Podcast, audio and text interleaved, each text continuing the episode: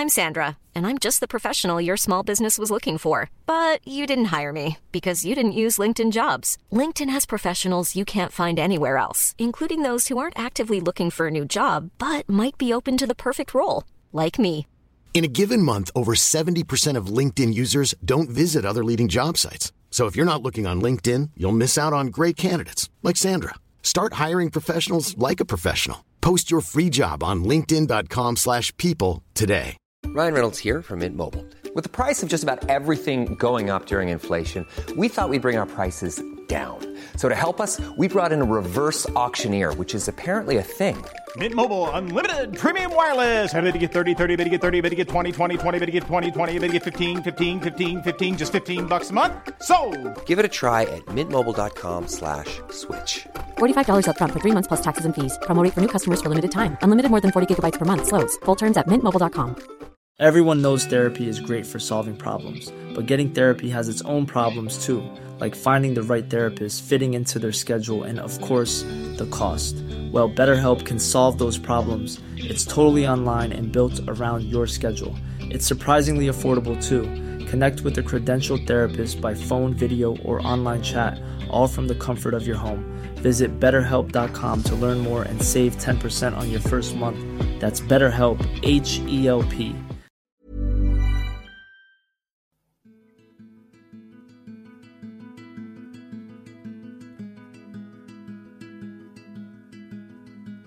Hej och välkomna till podden Sorgsnack med Lea och Jenny. Den här podden berör allt som har med sorg och förluster att göra. När livet inte blev som vi hade tänkt, när något oväntat händer och hela ens liv vänds upp och ner över en dag, när någon vi håller kär är med om en olycka, när vi själva drabbas av olycka eller sjukdom, när vi är med om det värsta en människa kan vara med om, döden. Och som i vårt fall, när vi tvingas ta farväl av ett av våra barn och såklart många andra förluster som vi människor går igenom under en hel livstid. Vad är sorg och sorgbearbetning egentligen?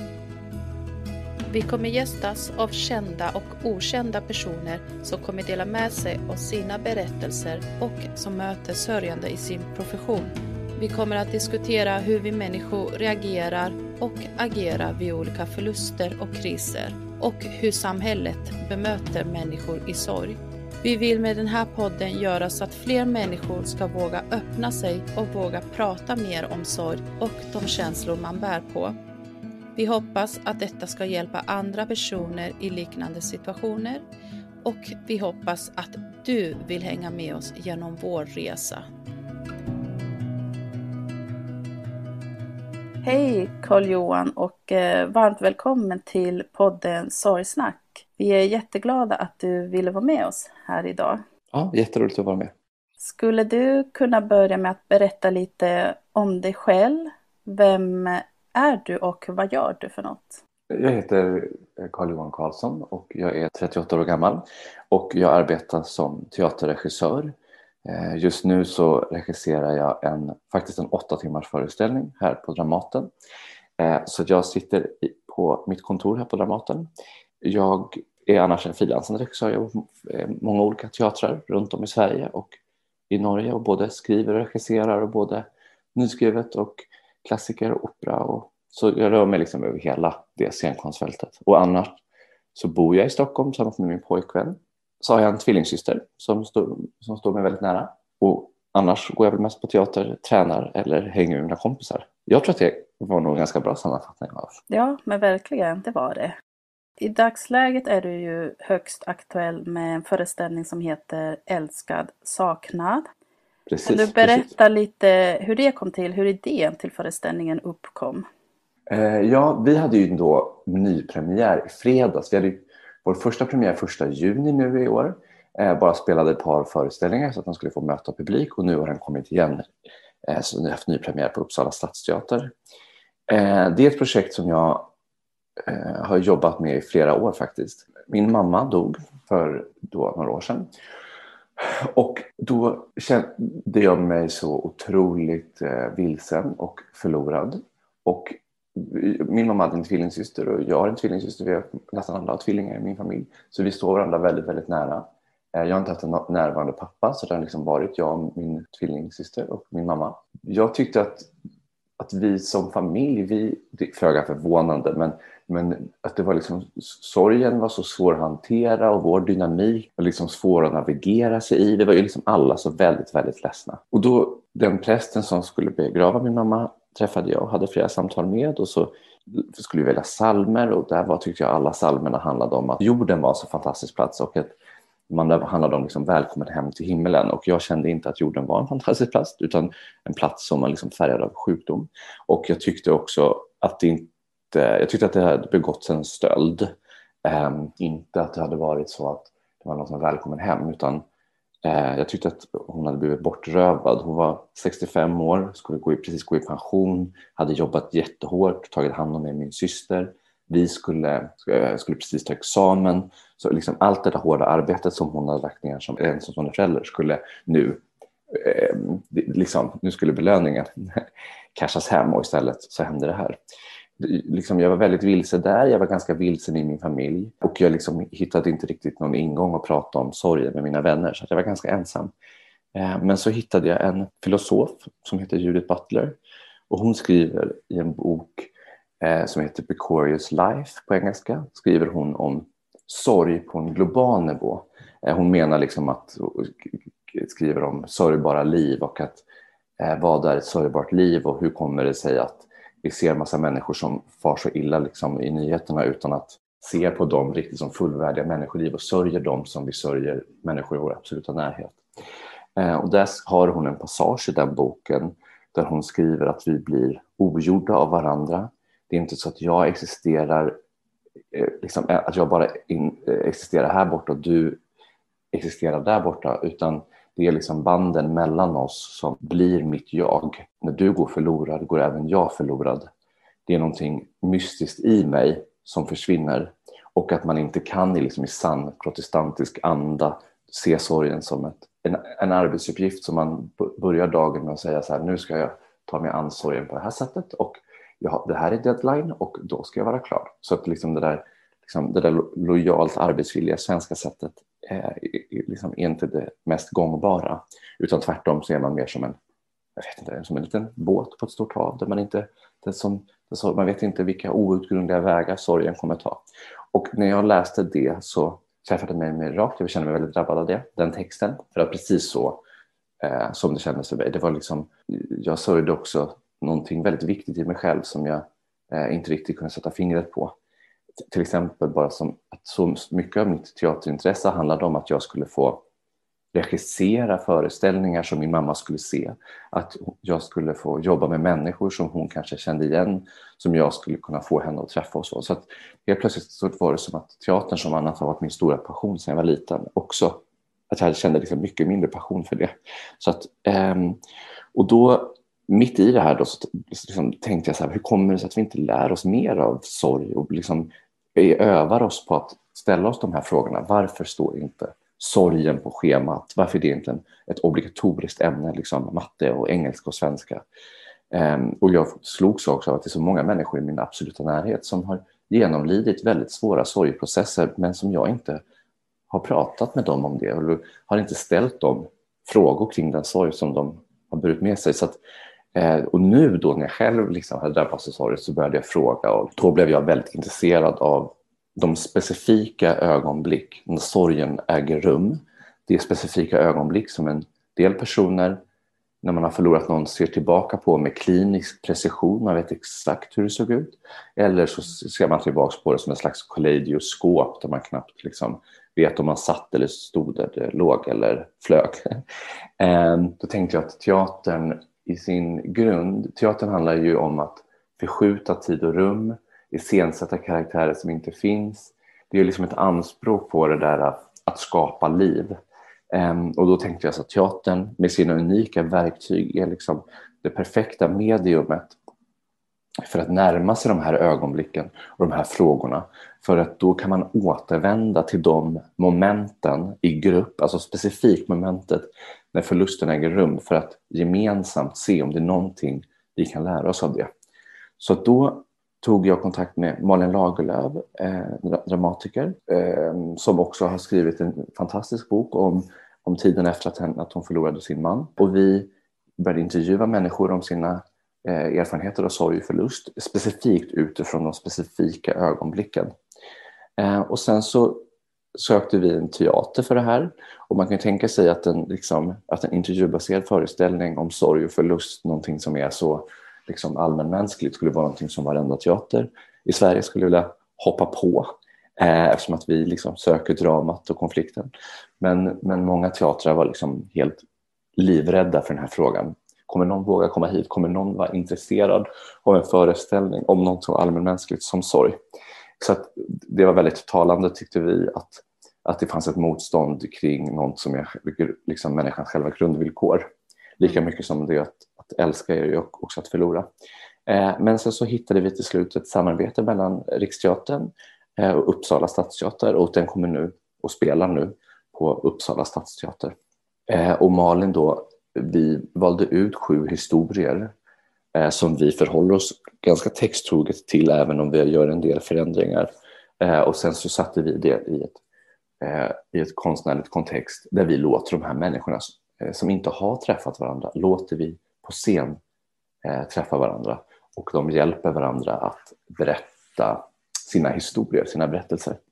Mm, det låter jättefint tycker jag. Mm. Men eh, samtidigt när du berättar så förstår jag också att eh, det du sa just att det var inte så många som ville ta sig an det här projektet och då tänker jag med desto viktigare just att det blir av för att uppenbarligen så behövs det. Vi behöver ju liksom lyfta fram de här svåra eh, förluster och det är ju en stor del av livet att genomgå olika förluster på olika mm. sätt som vi behöver bearbeta och behöver prata om.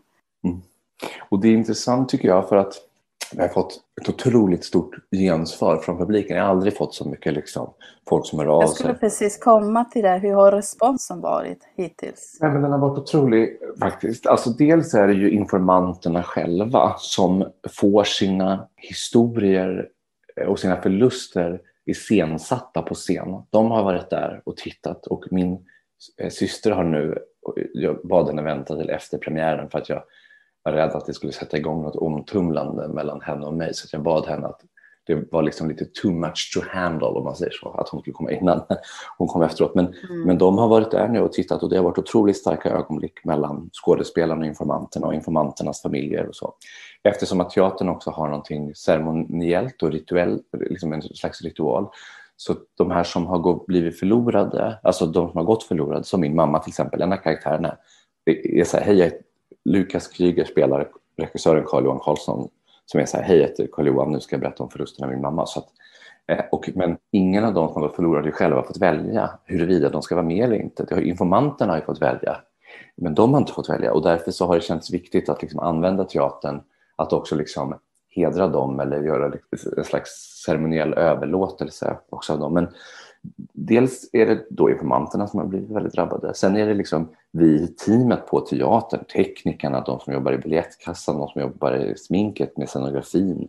Alla liksom, har satt igång ett, liksom ett samtal som har varit väldigt, liksom, väldigt stort. Att, liksom en, att en arbetsgrupp som kanske har jobbat ihop väldigt länge helt plötsligt kan öppna upp för ett samtal om de här frågorna. Ehm, och sen eftersom formen rent utifrån ett teaterperspektiv, liksom att att ljuset och ljudet och scenografin, allting liksom försöker belysa den här specifika punkten när förlusten äger rum så är det också mycket personer som ägnar sig åt teater och jobbar med teater som har kommit och tyckt att det var varit väldigt eh, fint. Och sen är det två grupper till som eh, har kommit i hög utsträckning och som eh, varit intresserade. Och Del, den ena gruppen är folk som jobbar inom olika religiösa samfund. Eh, blir man inte förvånad över att de tycker att det är spännande med en föreställning som handlar om sorg och förlust. Mm. Eh, så att det var liksom präster där och så. Eh, och sen det, har det varit en hel del eh, sjukvårdspersonal. Eftersom att flera av de här historierna är ju, det är flera olika typer av förluster som skildras. Vi har allt ifrån en som Eh, förlorar ett barn i magen till eh, till jag som förlorar min mamma när jag är 29 år gammal.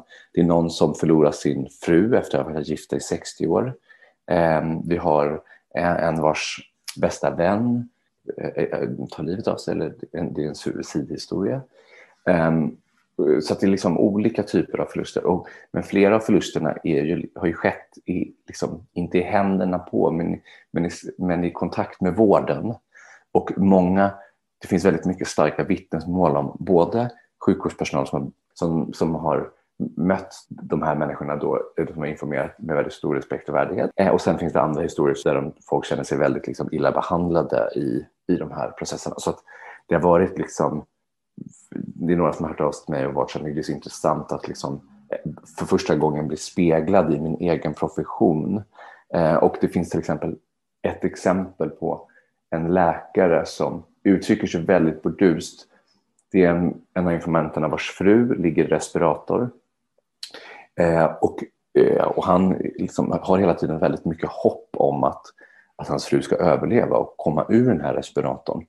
Och då blir läkaren går fram och stänger av respiratorn och säger att nu är hon död. Och så sätter han på respiratorn igen och säger nu lever hon igen. Och det här låter ju liksom otroligt aggressivt och som han beskriver det så är det som att han är fortfarande väldigt drabbad av det.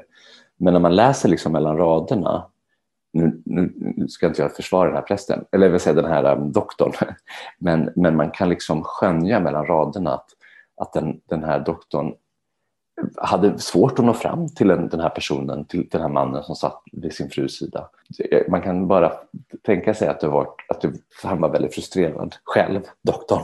Att det var så här, nu måste du förstå att bättre kommer ingenting bli. Mm. Hon kommer inte leva vidare. Det finns inget hopp.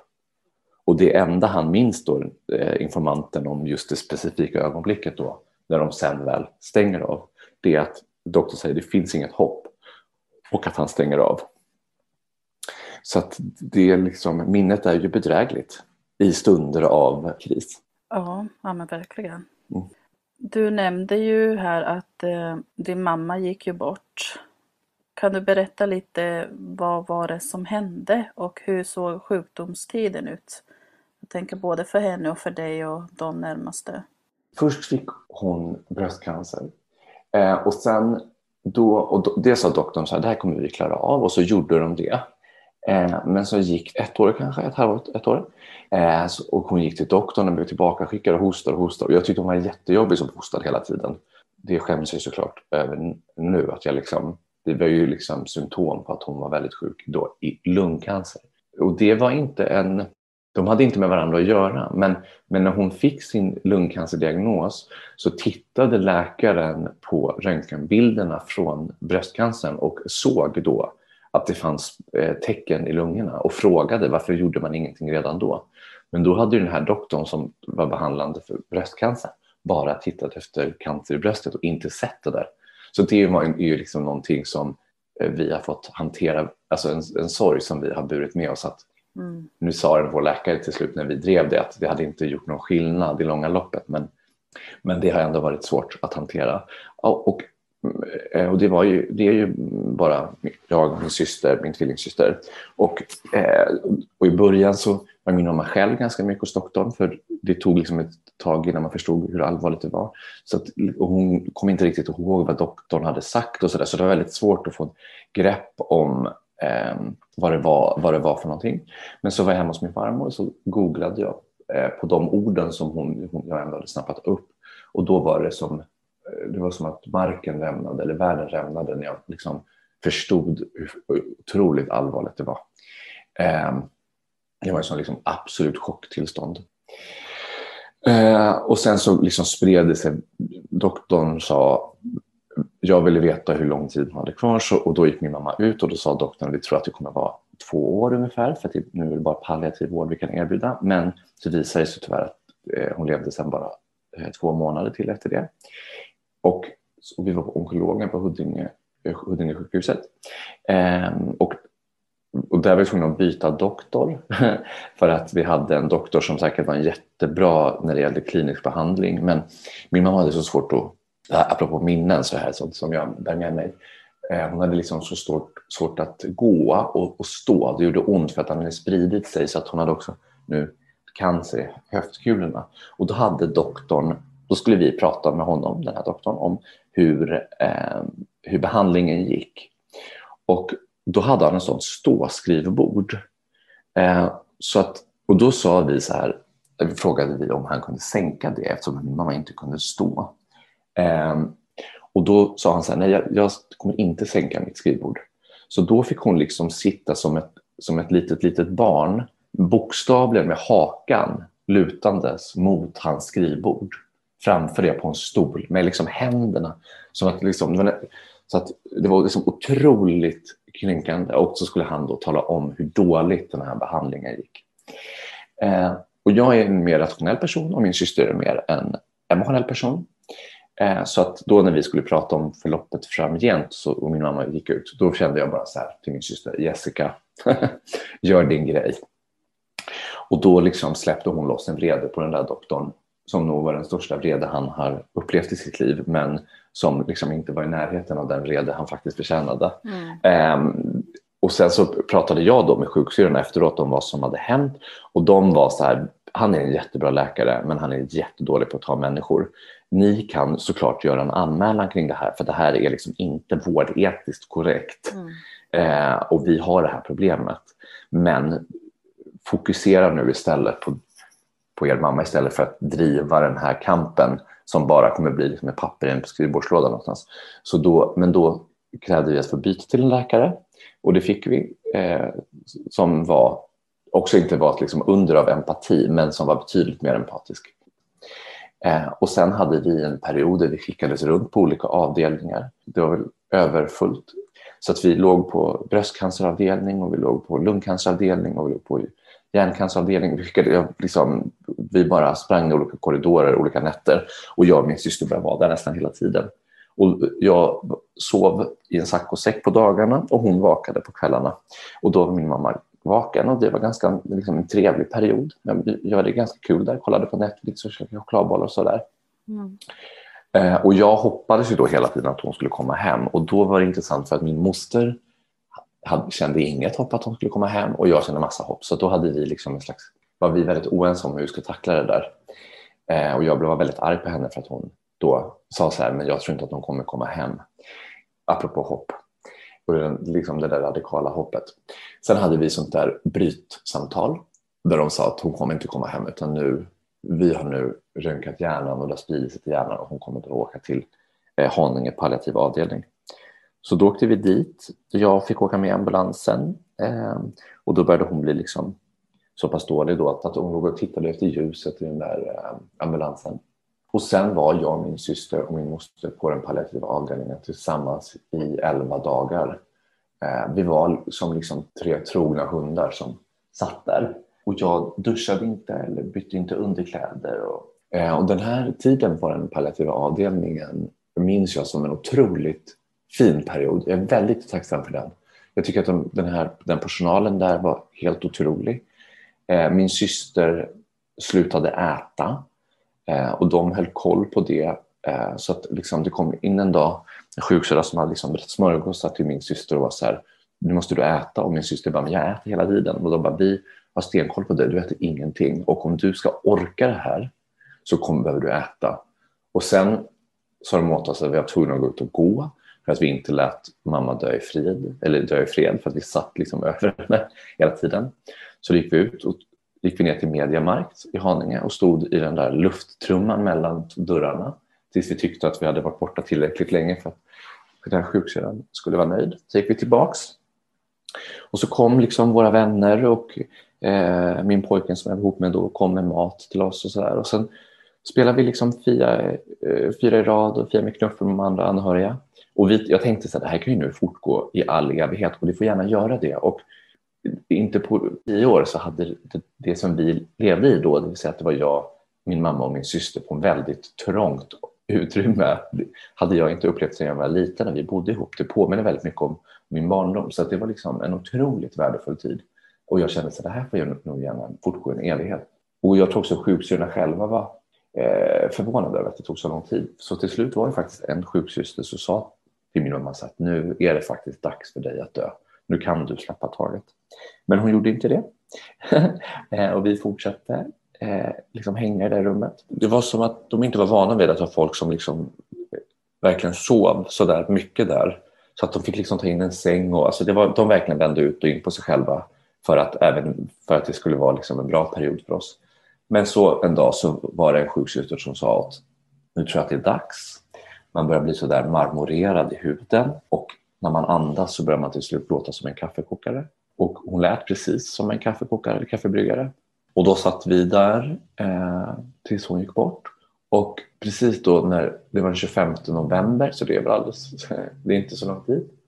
Och då, väggarna hade liksom en absolut isblå färg som matchade täcket. Alltså täcket matchade väggarna. Och precis då så liksom öppnade himlen upp sig och det var ju liksom sådär liksom riktigt sån klar vinterdag. Och då var det alla tre, liksom himlen och väggarna och täcket var liksom absolut perfekt färgkoordinerat. Och då förstod jag att det är nu det kommer ske. Och så var det då. Mm. Så fint men ändå så otroligt smärtsamt såklart. Mm. Jag förstår att det inte har varit lätt för er men jag tänker så här, hur såg du på döden innan din mammas bortgång? Och är det någonting som har förändrats efter det? Ja, jag var väldigt upptagen av döden innan. Men liksom på ett slags ytlig, en slags ytlig nivå. Eh, så där att jag tyckte det var spännande med eh, alltså, alltså spännande nästan liksom mer som man tittar på en film eller en thriller. Eller, alltså det, det hade liksom ingen direkt koppling till utan det fanns liksom ett, ett avstånd även om jag tyckte att det var spännande. Men sen när det väl händer den här stora förlusten så var det som att liksom få tillgång till ett helt nytt rum som jag liksom inte ens kunde föreställa mig. Först tyckte jag att allting var helt grått, som att färgerna i världen hade bara liksom dämpats lite, ungefär som en TV på tv-apparat, att de bara blev liksom gråare.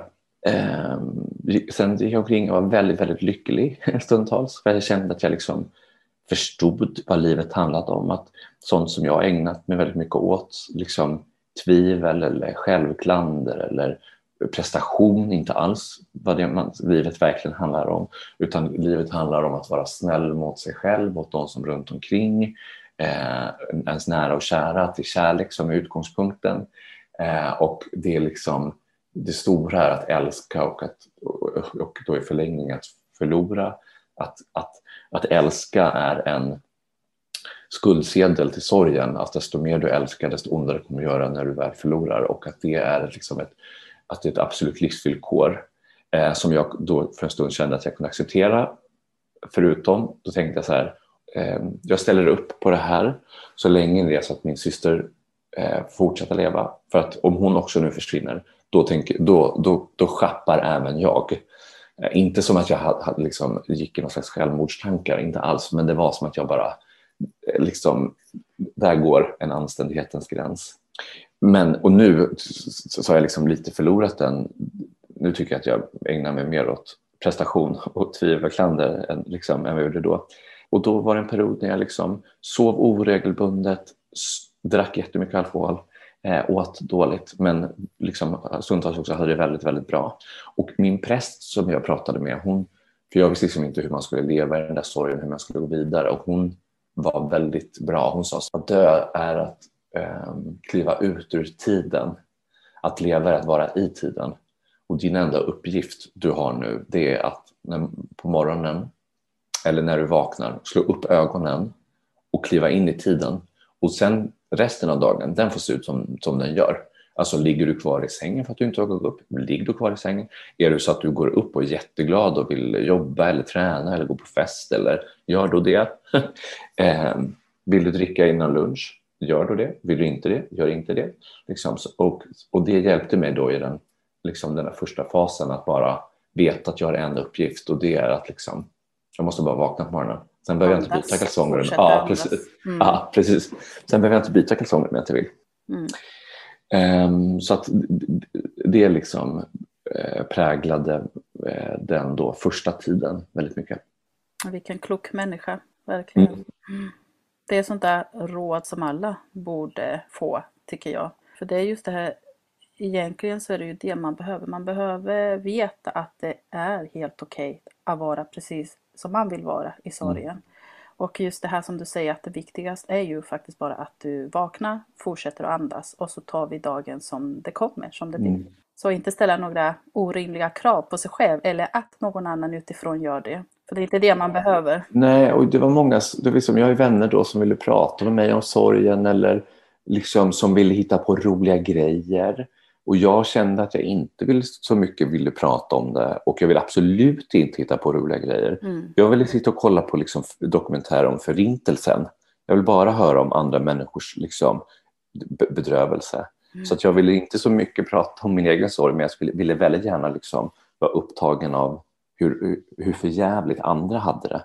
Mm. Ehm, för jag, var väldigt, liksom, jag hade svårt att hantera andra människors liksom, vardagsproblem.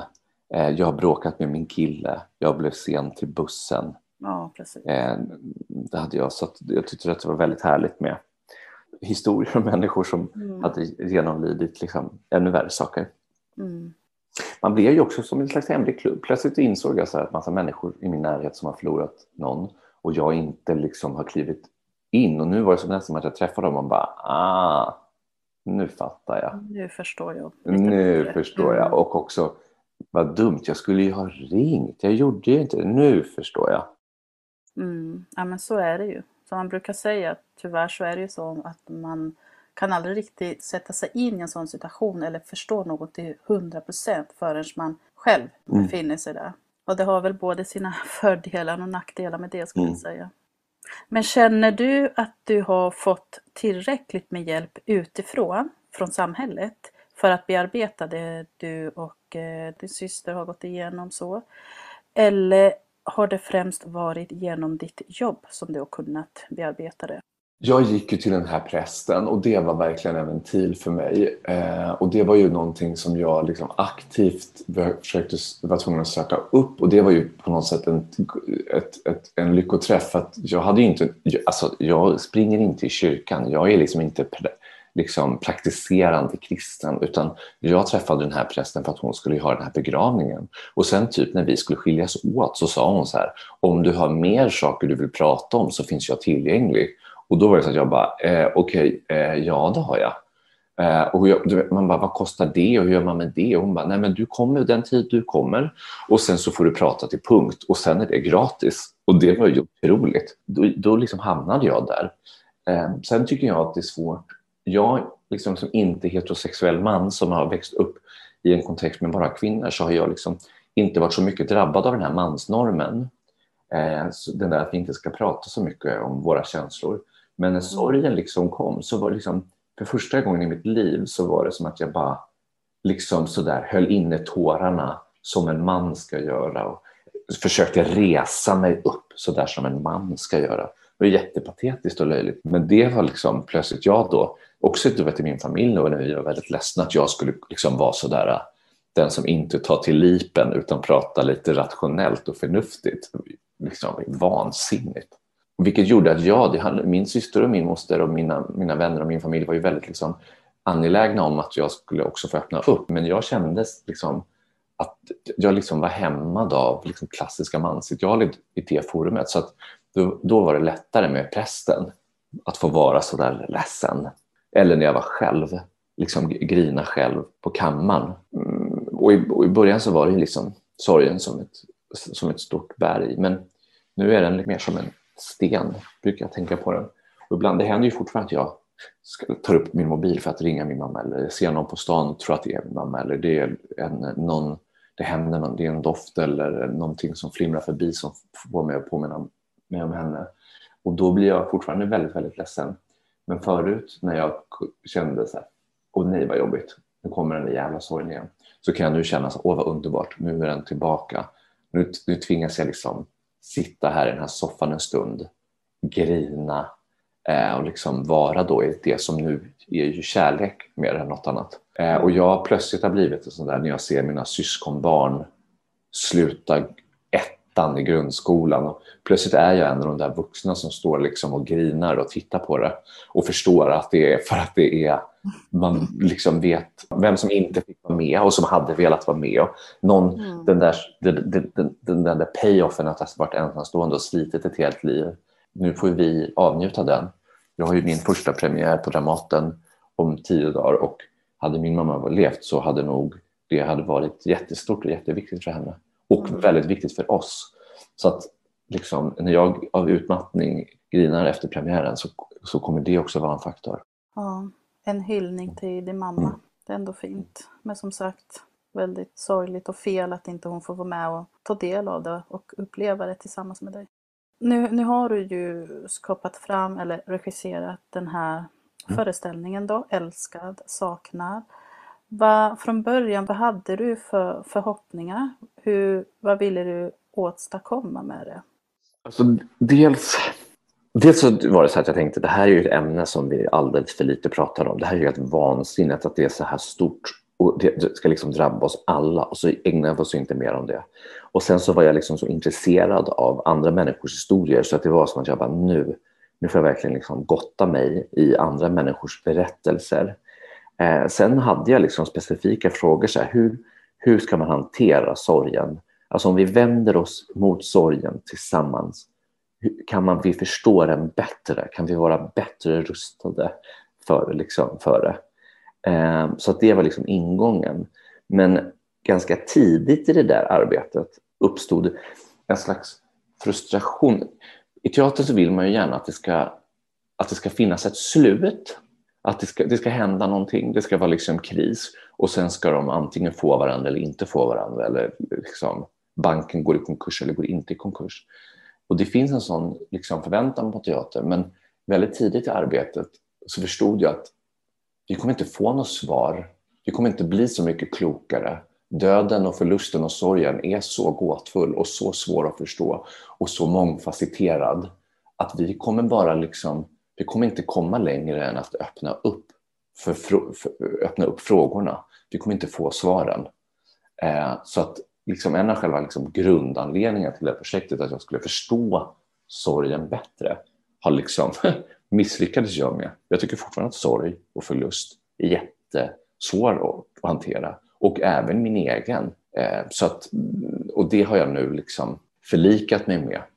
Eh, och jag ha, hoppades också att jag skulle komma till en punkt där jag skulle känna så här, men det var värt det. Jag växte så mycket som människa. Jag såg, liksom, jag förstod livets själva väsen på ett sånt djupare plan. Men, men jag känner fortfarande att det är att sorgen har gjort liksom, på ett sätt har sorgen gjort livet rikare. För jag förstår liksom vad kärlek är på ett djupare nivå och har liksom, kan älska hårdare. Men ingenting kan mäta sig med, med förlusten av min mamma. Mm. Det var inte värt det helt enkelt. Själva förlusten, att jag skulle komma en dag, att jag var så här, min mamma, att jag, för, att jag liksom har förlikat mig med att hon dog. Det kommer jag nog aldrig förlika mig med. Jag kommer aldrig liksom Nej. titta på världens grundvillkor och bara, Och känna att ja, det, här, nej. det här är ett av villkoren. Jag känner fortfarande så här, det här var ju för jävligt. Alltså hade jag vetat det här när jag, liksom, när jag föddes. alltså det, att det här, Mm. för fan vad värdelöst det är att förlora någon. Ja, nej men jag förstår det absolut. Helt med på det, 100 procent. Så känner jag också många gånger. Det är ju det här också som är med, med sorgen och döden. Man, har- man har ju inget val. Nej. Helt plötsligt så bara är man där och ska lära sig att leva med det och känna någonstans att det är Mm. okej. Fast man egentligen bara, nej men det är inte okej. Varför ska jag acceptera att det blev så här? Nej, precis. Mm, vem tyckte att det här var en bra idé? Vem tyckte att det här var en bra idé? Mm, Och det är någonting också som liksom, eh, att så mycket av den här sjukdomen och förlusten, hela processen handlade om att acceptera.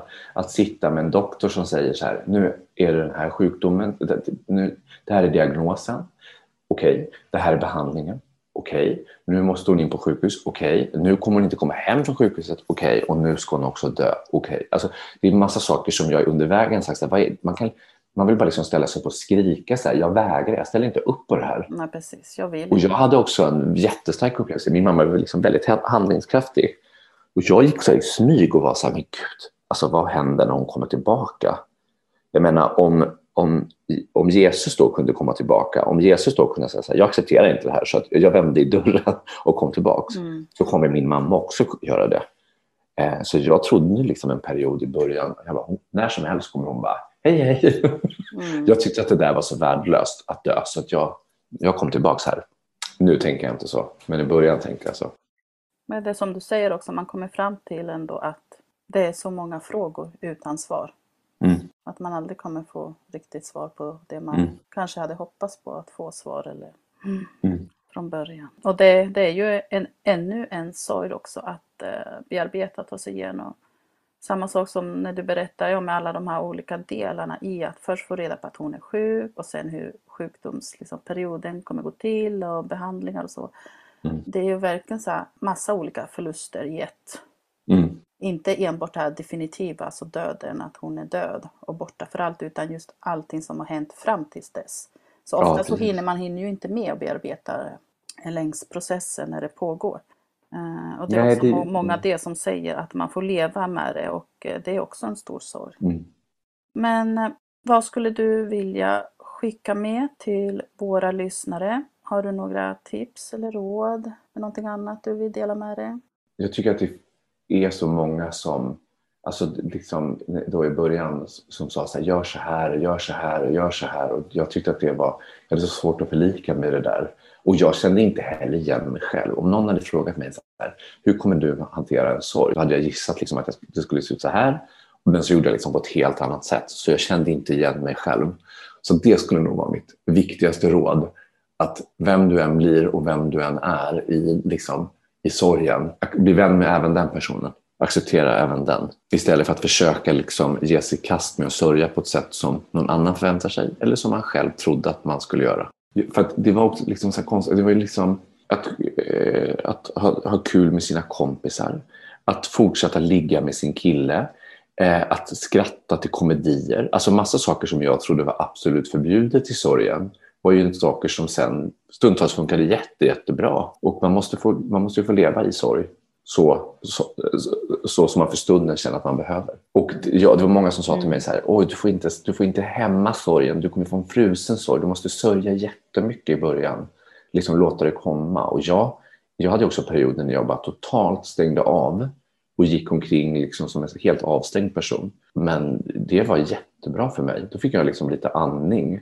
Och sen liksom kom sorgen som en, alltså som en svallvåg sen. Så att även det fungerade. Det var jättebra för mig att bara stänga av, sätta mig på jobbet och knappra på datorn och sen gå hem.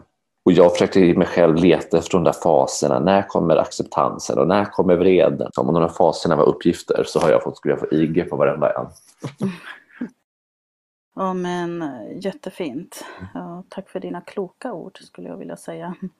Det har varit otroligt fint att få samtala med dig och eh, ta del av din berättelse om din mamma, och föreställningen Älskad saknad som jag absolut kommer att se, försöka se här i veckan. Mm. Och jag vill även passa på och påminna att du som lyssnar just nu kan gå på föreställningen för halva priset med koden Sorgsnack när du bokar din biljett. Det är vi otroligt ärade att få göra detta och eh, erbjuda er denna möjlighet.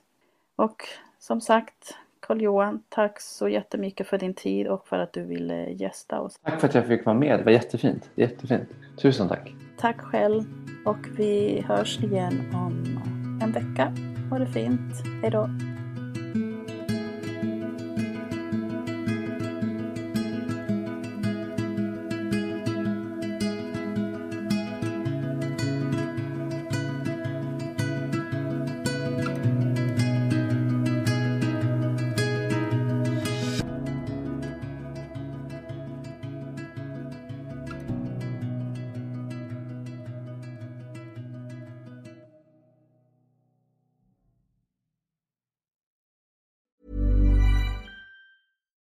Deserves the best, and there's no better place to shop for Mother's Day than Whole Foods Market. They're your destination for unbeatable savings, from premium gifts to show-stopping flowers and irresistible desserts. Start by saving 33% with Prime on all body care and candles. Then get a 15-stem bunch of tulips for just $9.99 each with Prime. Round out Mom's menu with festive rosé, irresistible berry chantilly cake, and more special treats. Come celebrate Mother's Day at Whole Foods Market. Hey, it's Danny Pellegrino from Everything Iconic.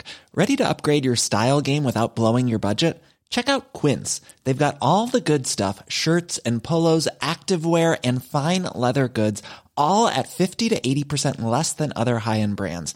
And the best part? They're all about safe, ethical, and responsible manufacturing.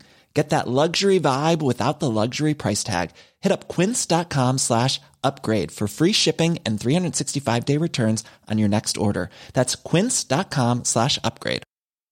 Even when we're on a budget, we still deserve nice things. Quince is a place to scoop up stunning high-end goods for 50 to 80% less than similar brands. They have buttery soft cashmere sweaters starting at $50, luxurious Italian leather bags, and so much more. Plus, Quince only works with factories that use safe, ethical, and responsible manufacturing. Get the high-end goods you'll love without the high price tag with Quince. Go to quince.com/style for free shipping and 365-day returns.